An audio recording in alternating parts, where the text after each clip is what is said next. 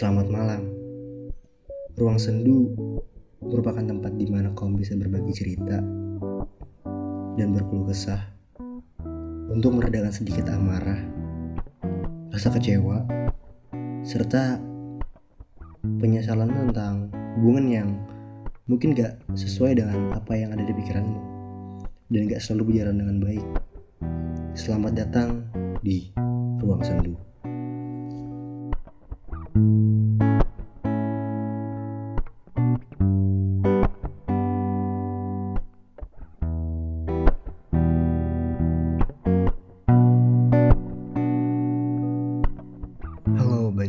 Podcast Ruang Sendu. Kalian apa kabar? Semoga dalam keadaan baik-baik aja. Kali ini ada cerita dari salah satu pendengar Ruang Sendu yang mungkin dia udah nggak percaya sama namanya komitmen. Kalian pernah nggak sih ngalamin pasangan kalian nggak pengen pacaran, cuma pengen komitmen doang. Tapi ujung-ujungnya hubungan kalian kandas. Kalau kalian pernah ngalamin itu, kayaknya cocok banget buat dengerin podcast ini. Dan malam ini aku nggak sendirian. Aku ditemenin sama teman aku namanya Dea. Halo, kenalin nama aku Dea Ayu. Biasa dipanggil Dea. Kali ini aku nemenin Roshid di podcast Ruang Sendu. Buat kalian yang pengen cerita di podcast Ruang Sendu, bisa banget nih. Caranya, bisa DM di IG Roshid dan bisa kirim ke email ruangsendupodcast at gmail.com. Oke, kita langsung masuk aja ke ceritanya ya. Halo, kenalin. Nama aku Rini. Aku tinggal di kota Balikpapan. Wah, dekat sama kota aku nih. Aku mahasiswa di salah satu universitas di Jogja. Dan sekarang kebetulan lagi di Balikpapan. Karena masih ada virus corona. Jadi aku disuruh balik lagi ke Balikpapan. Jadi aku mau cerita seseorang yang pernah deket sama aku dan yang ngebuat aku bener-bener bikin sakit hati banget. Sampai-sampai aku gak berani buka hati untuk laki-laki dalam jangka waktu yang lama banget. Jadi seseorang yang pernah deket sama aku, sebut aja Rio. Aku udah ngejalanin hubungan sama dia kurang lebih sih dua tahunan gitu. Aku sama Rio udah deket dari SMA. Kebetulan kita sama-sama sekolah di SMA yang sama di Balikpapan. Awalnya aku liat Rio pas dia lagi latihan basket untuk DBL. Dari situ aku langsung jatuh cinta sama Rio.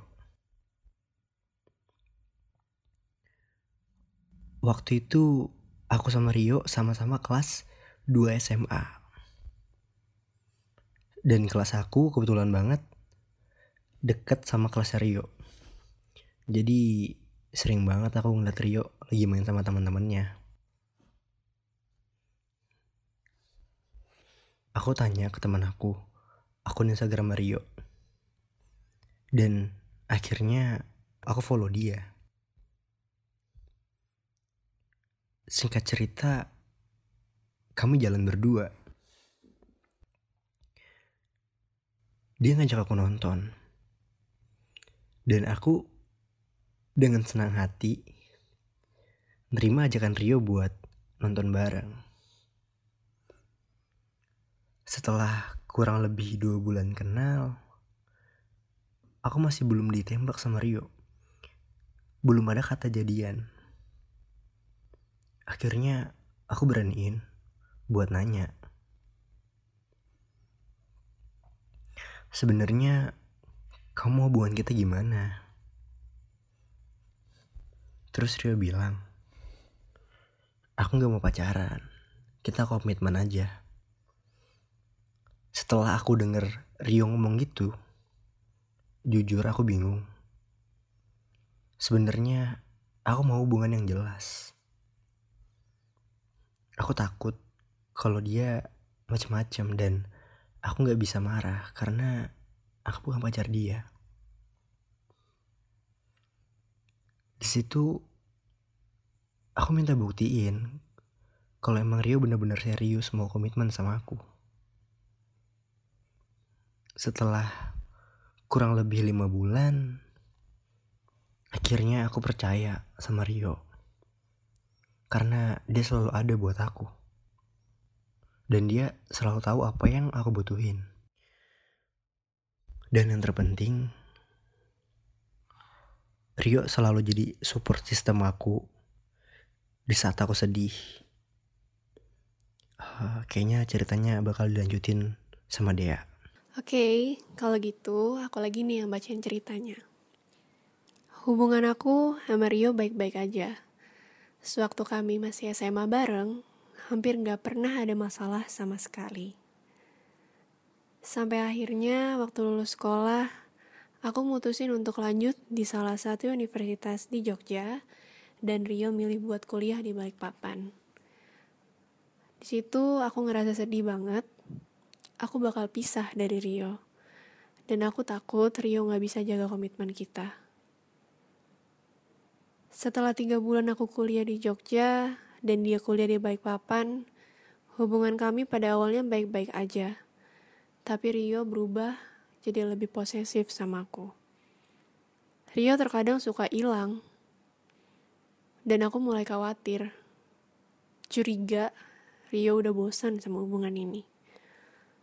Aku selalu berusaha bikin Rio nyaman. Dan aku selalu sempatin waktu aku buat ngabarin Rio. Sampai akhirnya Rio hilang selama tiga hari. Dan aku dapat kabar dari teman aku kalau Rio jalan sama cewek lain. Aku nanya ke Rio, sebenarnya dia hilang ke mana? Dia bilang dia lagi banyak tugas dari kampus, jadi susah banget buat pegang HP. Aku kaget, kenapa dia bisa alasan begitu? Apakah dia udah ngerasa aku ini gak penting buat dia, atau gimana? Pas bulan ketujuh aku kuliah di Jogja, hal yang paling aku takutin pun terjadi. Rio mutusin aku karena alasan dia gak bisa LDRan, dan dia pergi gitu aja. Aku ngerasa sedih banget dan gak tahu, bingung harus ngapain. Komitmen yang aku bangun sama Rio dihancurin gitu aja. Padahal aku selalu berusaha ada buat Rio. Tapi walaupun berat, buat aku lepasin, aku yakin akan ada laki-laki yang jauh lebih baik di luar sana buat aku dibanding dia. Jadi segitu cerita dari pendengar ruang sendu dan kali ini kita masuk ke sisi saran. Jadi saran dari aku sebenarnya sih aku pernah ngejalin hubungan yang kayak gini juga jadi aku pernah pengen hubungan yang lebih dari teman sama salah satu cewek. Dan dia bilang dia udah capek sama cinta. Dia pengen komitmen. Awalnya aku ragu emang. Kayak apaan sih? Jalin hubungan tanpa status. Terus setelah sekian lama udah ngejalanin komitmen. Akhirnya kita ada masalah. Dan situ aku nggak bisa apa-apa. Aku bukan pacar dia. Kalau menurutku aku nggak berhak buat marah ke dia. Dan situ akhirnya hubunganku sama dia ya kandas. Kalau menurut aku sih komitmen itu bullshit. Aku pengen hubungan yang jelas. Kalau dari aku sendiri aku pribadi pengen hubungan yang jelas. Kalau dari cerita ini kayaknya yang jadi poin penting dari masalah kalian sebenarnya sih LDR itu. Kayaknya sih Rio emang udah nggak bisa jalanin hubungan LDR. Ya kalau gitu sebenarnya ser serba salah sih kan kamu posisinya di Jogja juga kuliah bukan jalan-jalan jadi ya mungkin dia gak bisa nerima kamu kalau kamu pergi jauh dari dia aku yakin kamu pasti bakal dapat cowok yang lebih baik daripada Rio. Yang bisa ngertiin kamu. Yang bisa percaya sama kamu walaupun kalian emang jarak jauh. Kan inti dari hubungan jarak jauh sebenarnya kan kepercayaan.